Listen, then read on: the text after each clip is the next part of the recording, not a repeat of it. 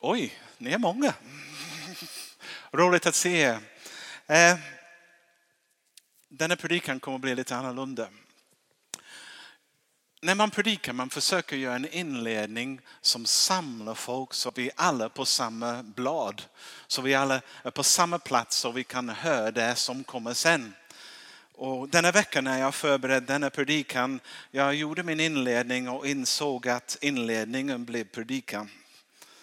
Och risken var att jag kommer läsa en text och sen aldrig återvända till det. Och som predikant man får inte göra det.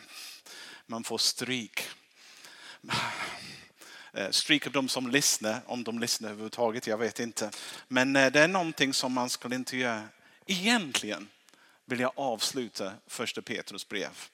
Eh, men innan jag gör det måste jag göra någonting som, säga någonting som samlar oss och får oss att eh, verkligen vara på samma sida, samma blad. Så låt oss be.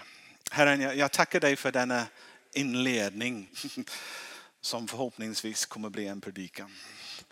Men jag ber att du gör det levande och ditt hjärta och dina tankar ska tydligt komma fram.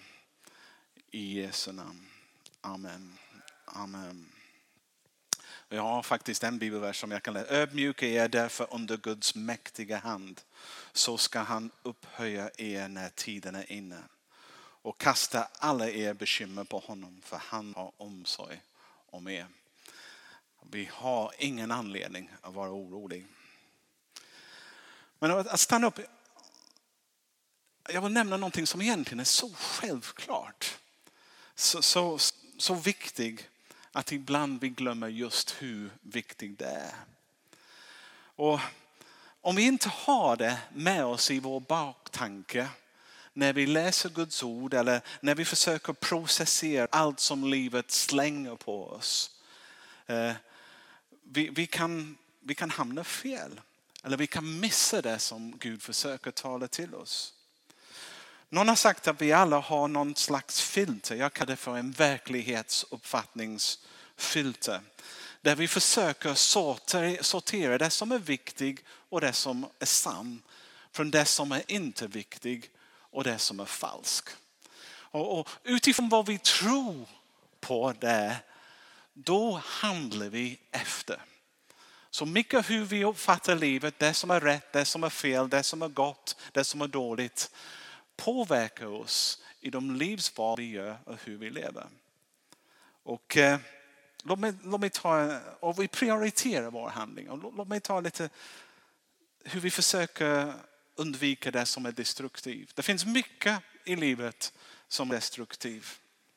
Det finns en lång, man, kan sätta sig ner och skriva en lång lista utan att anstränga sig av saker och ting eh, som är destruktiva och osann och fel.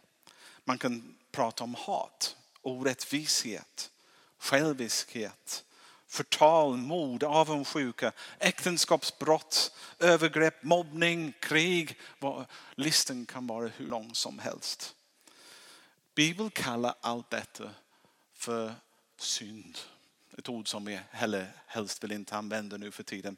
Men det, det är någonting som vi gör helt rätt när vi försöker undvika dem. Vi ska undvika det som är destruktivt, undvika det som är intressant, undvika det som inte har med Gud att göra och gå i motsatsriktning. Och om man skulle backtracka och gå tillbaka, om man hamnar någonstans i, en, i den listan i en fruktansvärd situation, om man börjar backa och tänker nej jag vill inte vara där. Vi kan backa så långt tills vi kommer till ursprunget av denna synd. Orsaken till varför den kom. Vi kommer till den plats var det hela började. Och det är ingen rolig plats. För alla dess destruktiva, skadliga beteende, de skadliga handlingar som jag just nämnt. Alla har sin ursprung i en bruten, bruten relation. Eller hur? Man kan inte hata den som man älskar. Man kan inte förtala någon som man bryr sig om. Man kan inte döda någon som är viktig. Man kan inte mobba någon som är, är dyrbar och nära dig. Man bara gör det till folk som man inte har en relation med. Och jag skulle säga att all synd är en konsekvens av en brusten relation. Och syndens väsen, om jag skulle försöka ta den här boken och forska i det och gräva fram och vi ska komma fram till hur beskriver jag synd? Vad, vad är det centrum, faktum av synd? Det är först och främst en relationsbrist till vår skapare Gud. Allt annat elände som vi möter eller dela ut själv, är bara en utveckling av en relationsbrist i botten. Är ni med mig? Ni får tänka lite nu för, i den inledningen. Gud, Gud väljer att uppenbara sig själv som en Gud som lever i relation. Han lever i en relation med Fadern, Sonen och den helige Ande. Och den ständigt utbyts i denna relation. Han är egentligen en relation. Det är hans väsen. Och han till och med skapade oss människor för att utvidga hans relationsnätverk. Orsaken till att du finns, jag finns, hela mänskligheten finns är att Gud hade en sånt överskott av kärlek och relationer. Han vill på något sätt få ut det och bygga vidare viktiga relationer som man kunde leva med och utveckla under alla tider in i evighetens evighet. Tänk på det. Han skapar, för in i den relation mellan fader, son och ande skapar så mycket kärlek. Så mycket godhet. Så mycket omsorg. Så han tänker, men vi måste ha någon att dela det med. Så ni får fara dela det. Så, ja, Gud skapade oss för att kunna glädja sig i oss. Ha behag i oss. Han vill ha någon som man kan leva i djup äkthet, en kärleksfull relation. Att han kan dela sin skapelse, dela allt han kan göra. Men det är därför han skapar oss. Har ni tänkt på det? Jag tror ibland, ibland vi har en fel vinkel när jag har varit med på så mycket undervisning om lovsång och tillbedjan. Och folk säger ofta där framme när de undervisar, de säger, vi är skapade att tillbe Gud en sanning som kräver vissa modifikationer. Det är lätt om man säger det att tro att Gud har en så, uh, oh, han är så egoistisk att han måste skapa någon som säger hur bra han är. Hur duktig han är. Det är inte det. Tillbedjan i sin väsen är en kärleksrelation. När vi delar på den viktigaste med honom. Så om man tänker att Gud skapade oss för en levande relation där han kunde dela hans godhet, allt det som har gått med oss. Vi kan dela tillbaka och bolla tillbaka och leva i den gemenskap. Det, det är egentligen tillbedjan för han blir den viktigaste. Och inte bara en massa andra saker. Och syndafallet, vi kan läsa det i första Mosebok kapitel 3 först och, fram, först och främst a fall out of relationship. Den stora synd var att människan föll ur den relation med Gud. Genom att välja en annan väg. Och Gud som vill komma så nära, Gud som sökt upp sin skapelse, Gud som vill ha den relationen med oss människor plötsligt upplevde hur det var när vi vände ryggen och, och valde en annan relation istället. Och när vi tappade den relation, vi tappade också vår, nu kan jag tänka, jag kan tänka på ord på, på engelska men lite svårt på svenska, vår god-likeness. Förstår ni? Vår speciellhet, eller vad det är, som har att vi är skapade i Guds avbild, att vi är skapade i en relation, en kärleksrelation. På något sätt, det var det, den relationen som gjorde att, vi, att han blev så glad när han hade skapat människor och tyckte det var så bra. Så mycket bättre än, än alla djur och annat som han hade skapat. Det var toppen. Människor var toppen av hans skapelse. Men när vi föll, vi tappade vår glans. Vi tappade den bit som gjordes så attraktiv. Vår förmåga att leva i en relation med en helig Gud. Som har hela tanken, baktanken till därför vi finns. Och denna relationsbrist, det i sin tur skapade en tomrum i oss. Som, ja det verkade så mycket så eh, och det gjordes medveten att någonting väsentligt, någonting superviktigt fattas. Och synden tog tillfälle och klev fram och erbjöd en förvrängd surrogat som vi så gärna tackade ja till. Som led till en massa destruktivitet och massa elände som vi ser idag också runt. På grund av en brist på en relation. Vet ni vad fienden hatar mest? Vet du det som han är mest avundsjuk i dig? Det är din förmåga att ha en levande relation med först och främst Gud men också andra människor. Ibland om, om du jobbar på en arbetsplats och det är bara krig och, och elände som går, du så åh det är helvetet. Det är en beskrivning för i helvetet man vet att demoner och, och Satan har ingenting med relationer att göra. De vet inte vad det är. Och när de ser någonting så vackert som att Gud delar sitt hjärta med människor och sin människa delar sitt hjärta med Gud och sin människa de emellan delar sitt hjärta och lever i relation. Han tänker, ah! Jag måste ta död på det. Jag måste stoppa det. Jag måste på något sätt, jag tål inte det. Hans främsta mission i livet är att ta död på vår förmåga att leva i relation med Gud och med varandra. Hör ni det? Hans främsta mission i livet är att ta död på vår förmåga till en levande relation med Gud och en levande relation till varandra.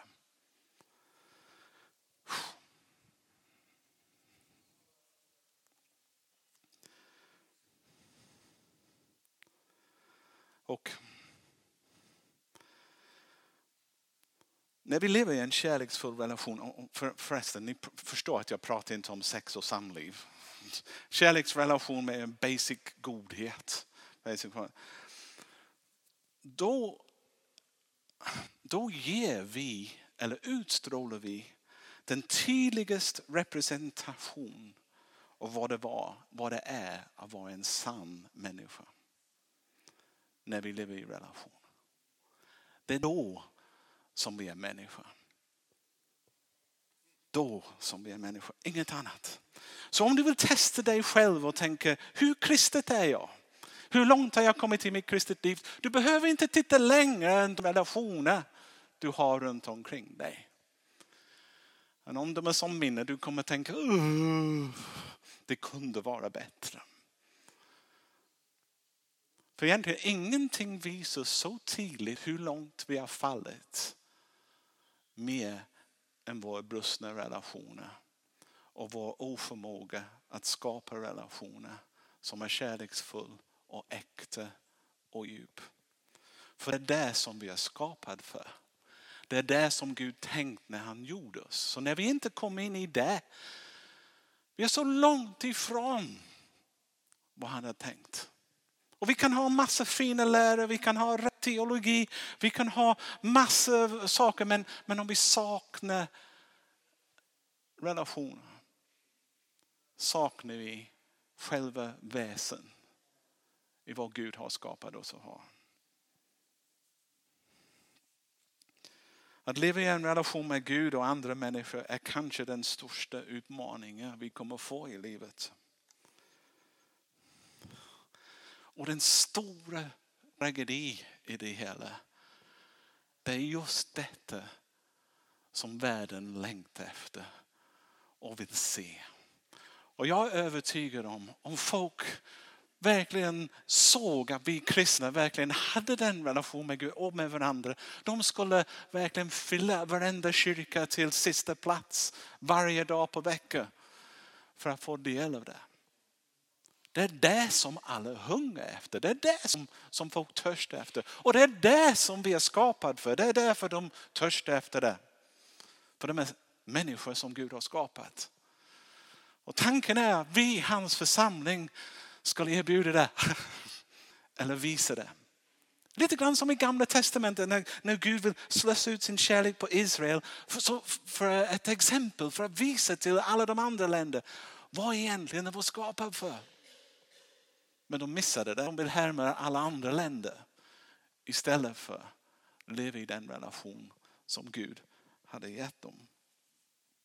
Nu, den synd som finns i världen, som finns i oss själva och i andra människor är på en mission som jag har sagt att förstöra alla äkta relationer oss emellan. Och hur gör det? På vilken är fiendens taktik på den punkten? Ja, hans främsta taktik kanske för att förstöra relationer är att erbjuda legitima argument varför det är omöjligt för oss att relatera till en viss grupp som pratar en konstigt språk. Ja, Gud hade skapat oss alla att prata engelska men några förstörde det. Eller för att andra religioner, har du sagt till mig andra sexuella läggningar? Fattiga människor, kvinnor, svarta. Något. På något sätt, vi skapar en viss uppfattning av att jag, det är rätt för mig att inte ha en relation med dem. Varför man ska inte göra det. Vi behöver bara peka eller tänka lite grann på alla lärofrågor. Jag uppväxt i en väldigt konservativ kyrka när, när faktiskt de sa att ha ingenting med dem att göra, de är syndare. Ha ingenting med andra kyrkor, de tror inte som vi. De har en annan ledarskapssyn, de har en annan sätt att fira gudstjänst, de har en annan sätt att prata. Håll dig borta från dem. Och vi försökte bekräfta vår egen brist på relation genom att försöka, vi försöker hålla oss helig så vi inte smittas av dem. Tänkte inte tanken att vi kunde smitta dem med någonting gott. Men, men vi, vi ska hålla oss, och på något sätt vi, vi övertalas att vi ska inte, är människor de är inte bra. Ursäkta mig, det, det har varit en resa för mig även här var på Beterköpet. Jag har tidigare haft ganska dåligt förutfattade meningar om missbrukare. Och jag kunde försvara mig själv att jag ska inte ha med något med det livet att göra. Och sen plötsligt märker jag att det finns människor i botten av det. Och börjar bygga lite relation med dem och sen är det inte lite svårare att bygga en liten avstånd oss emellan. Så mycket så när jag trodde att eh, Robert skulle dö i veckan. Jag tänkte, han kan inte dö nu, jag har bara lust att lära känna honom.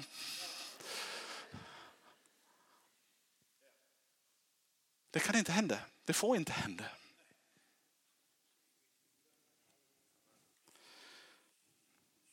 Men hur vi, vi, vi, vi, vi, vi bekräftar vår ovilja att bygga relation genom att säga men de är lite annorlunda.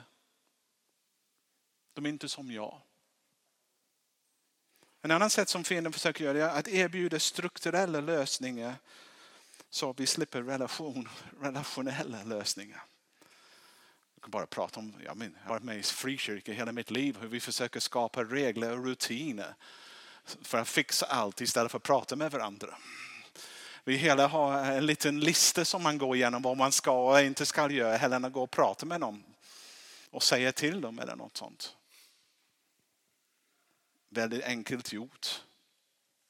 Vi kan placera materiella mål högre än relationsmål. Vi kan placera oss själv, själva i första rummet. Okej, okay, jag, jag, kan, jag tror ni fattar, eller? Ni är med på vad jag säger. Ni har säkert fattat också, precis som jag, att det är otroligt svårt att hålla öppen, kärleksfull relationer. Och det är mycket svårare än vad vi kanske skulle först erkänna. Så fort det börjar bli jobbigt, vad gör vi? Vi drar tillbaka. Det är lättare att dra sig tillbaka än att möta det som är obekvämt. Eller att möta det som, som behöver sägas. Man backar. Och varenda gång vi backar, om vi kan bara fatta det, det betyder att någonting är fel. Om man kan bara göra den, okej okay, jag backar nu, varför gör jag det?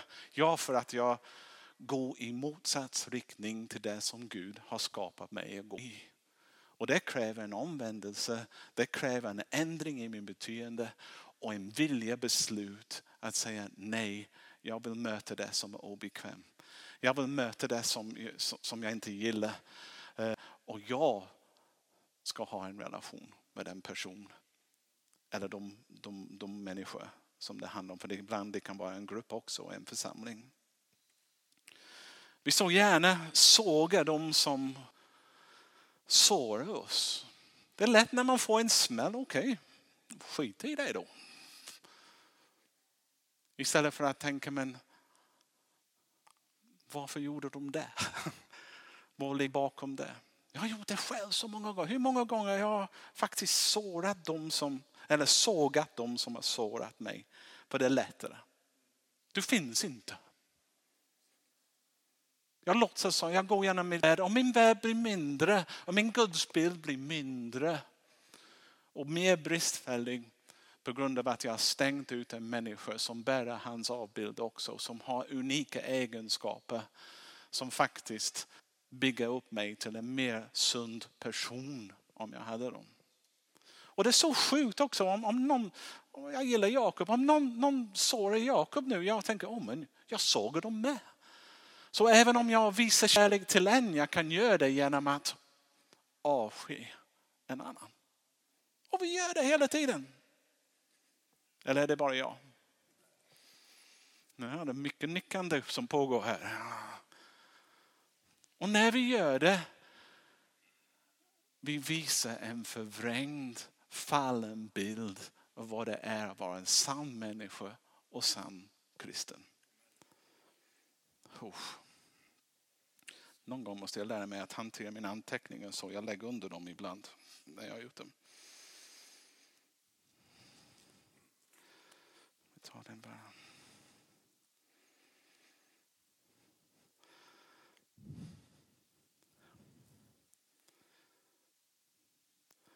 Det är så lätt att det hela bara byggs på. När, när, vi, när vi på något sätt rättfärdiggör någonting som är fel genom att inte söka försoning och bara hålla andra borta. Den värsta är på grund av vår relationsbrist. Det blir lättare för oss, för oss att utföra syndiga handlingar. När vi avpersonifierar en individ eller en grupp. Det är lättare att ignorera dem och backa ur. Det är lättare att döda någon som du inte har en relation med. Eller hur? Det är lättare att diskriminera mot en människa som du inte följer nära eller känner personligen. Det är lättare att förfölja någon som du inte har en relation med.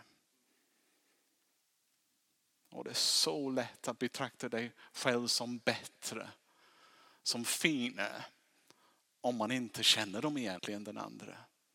Eller tar till dig det som de har.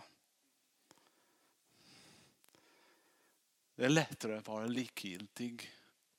Det är lättare att vara passiv. När vi vägrar bygga relationer med andra. Det är jobbigt ikväll. Jag har en relation med några här som, och de kommer, de har ett problem. Och en av dem kommer, jag sa jag pratade med dem efteråt, det har med, det har med Invandrarverket att göra. Det är lätt för mig att bara bli passiv och säga ah, nej, nej, men jag, man har en relation men jag kan inte göra det. På något sätt man måste göra någonting. Om man bryr sig om den personen. Du kan inte vara passiv. Om du har en relation med dem. Du kan inte vara likgiltig. Nu ibland är det viktigt att man backar ur en destruktiv relation. Jag säger inte, jag förstår detta. Men även när vi backar ur en destruktiv relation, är någonting som inte är bra på grund av att den andra personen vill inte ändra på sig eller gör dumma saker. Sånt man måste backa. Konsten är att backa och samtidigt lämna dörren öppen. Förstår ni? Så om det finns en ändring man kan faktiskt bygga broar igen. det kommer. Och den står med när vi inte gör det. När vi gör det så definitivt, när vi gör en riktig slut på det. Jag är inte säker att vi följer vår fars hjärta.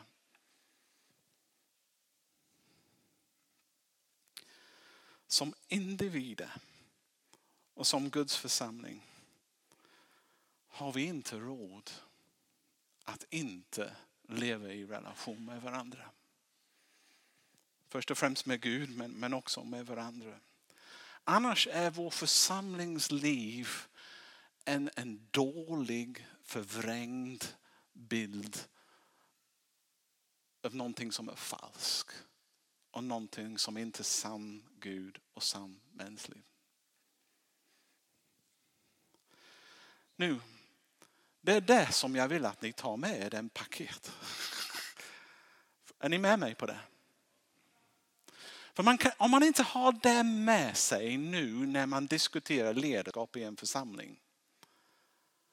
Då är ledarskap plötsligt någonting tekniskt och regelverk. Och om man lyfter ur relation ur en ledarskapsfråga. Då är det inte bibliskt ledarskap man pratar om länge. Det är någonting annat. Så det, det är det. Så nu kan vi läsa, jag lovar er, ni kanske tänker han har predikat jättelänge. Nu kommer han ta bibeltext och lägga ut det. Jag kommer läsa en liten del av texten och ni kommer lägga ut det hemma själv. Okej? Okay? Och tänka vad betyder det för mig om jag är överlåten att leva i en relation med den nästa. För det har stor betydelse. Okej, okay, vi läser i vår bibel. Första Petrus kapitel 5, jag läser från vers 2. Var herde för Guds jord hos er och vaka över den. Inte av tvång utan frivilligt så som Gud vill. Inte för egen vinning utan med hängivenhet, hjärt, hängivet hjärta. Uppträd inte som herre över dem som anförtrotts er utan var föredömen för jorden. När den högsta herden sedan uppenbarar sig ska ni få härlighetens segerkrans som aldrig vissnar. Liksom ni yngre, underordna er de äldre. Och ni alla klä er i ödmjukhet mot varandra. För Gud står emot den högmodiga men ger nåd åt de ödmjuka. Ödmjuka är därför under Guds mäktiga hand. Så skall han upphöja er när tiden är inne och kasta alla er bekymmer på honom.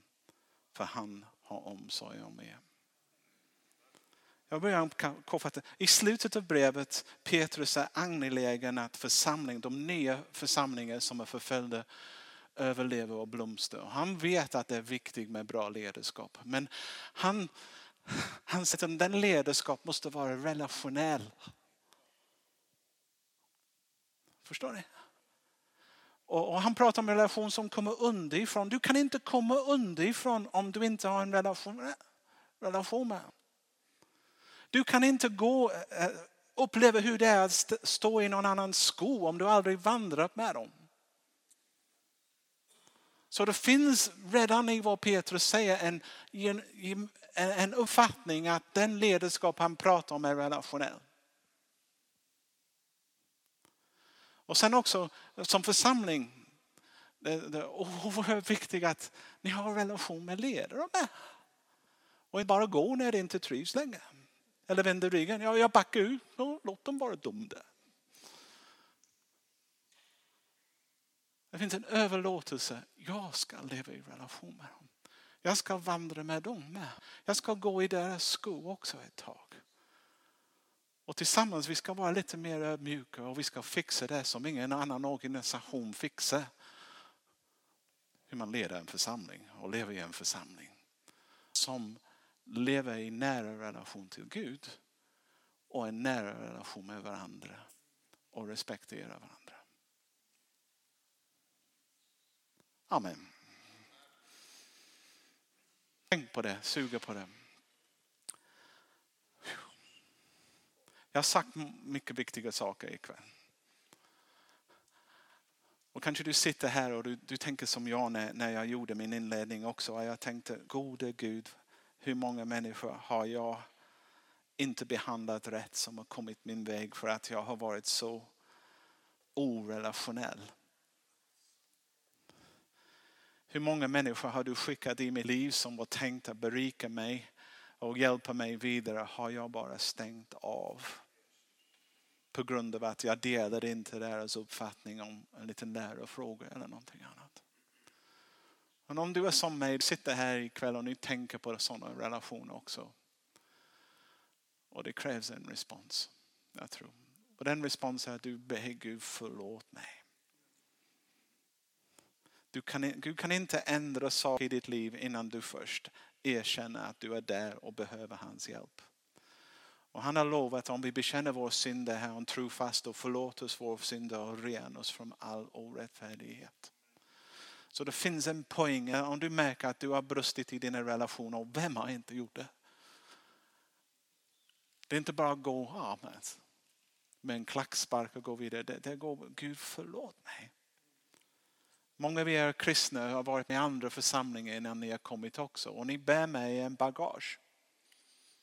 Ibland en tung bagage.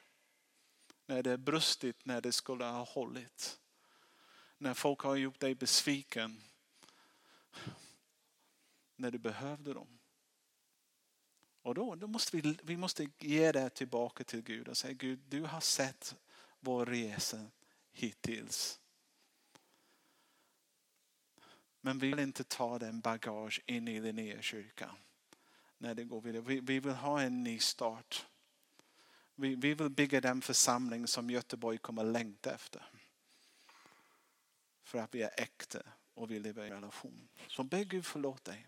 Nämn namn om du måste. Gud förlåt, vad, vad hände det där? Jag kan hålla mig hela natten när jag tänker på det. Och sen några av er tänkte, du har försökt att vara kristen också. Du försöker göra det, du tror att du steg. Du kan inte bli mer kristen än att bjuda in Jesus i ditt liv och ha en relation med honom. Det handlar inte om att du gör en massa saker, lever upp till en viss standard. Det handlar om att du pratar med din skapare och överlåter dig till honom och säger du kan prata in i mitt liv, jag, jag kan vandra med mig, jag lyssnar till dig och jag vill gå med dig. Om du inte gjort det, gör det. Vad, wait, vad, vad väntar ni för? Förlåt, jag sa det att jag var avslutning och ni står där väntande och sånt. Ja, det är en poäng någonstans också.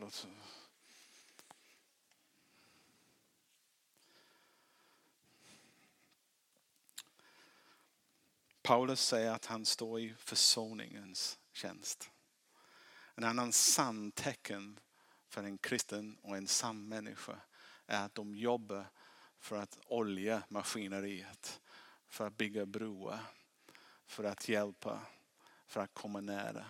Ska vi vara människor som är i försoningstjänst? För det är en överlåtelse också. Gud, jag vill vara en del av den lekande, eh, le, inte läckande, ja. inte lek, det är väldigt nära, det är svårt med svenska.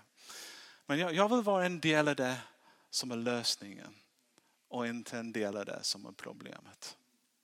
Och du kan överlåta dig till dem. Gud, jag står i tjänst. Jag vill vara en som, som fixar relationer på jobbet eller, eller som, som försöker vara din röst i det sammanhanget. I skolan eller bland grannarna. Och sen en överlåtelse i denna församling. Jag, jag ska vara i denna familj och, och, och jag ska göra min, min ytterst, min bästa för att vara en del av lösningen till alla problem som dyker upp, som naturligt dyker upp när människor kommer nära. Du kan överlåta dig till det. Ska vi stå upp och be lite.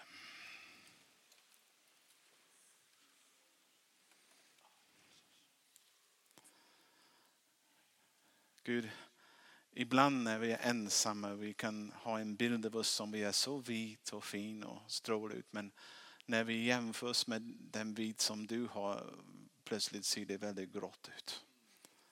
Vi är i stort behov av dig. Så jag ber att du kommer och hjälper oss och talar in i våra liv.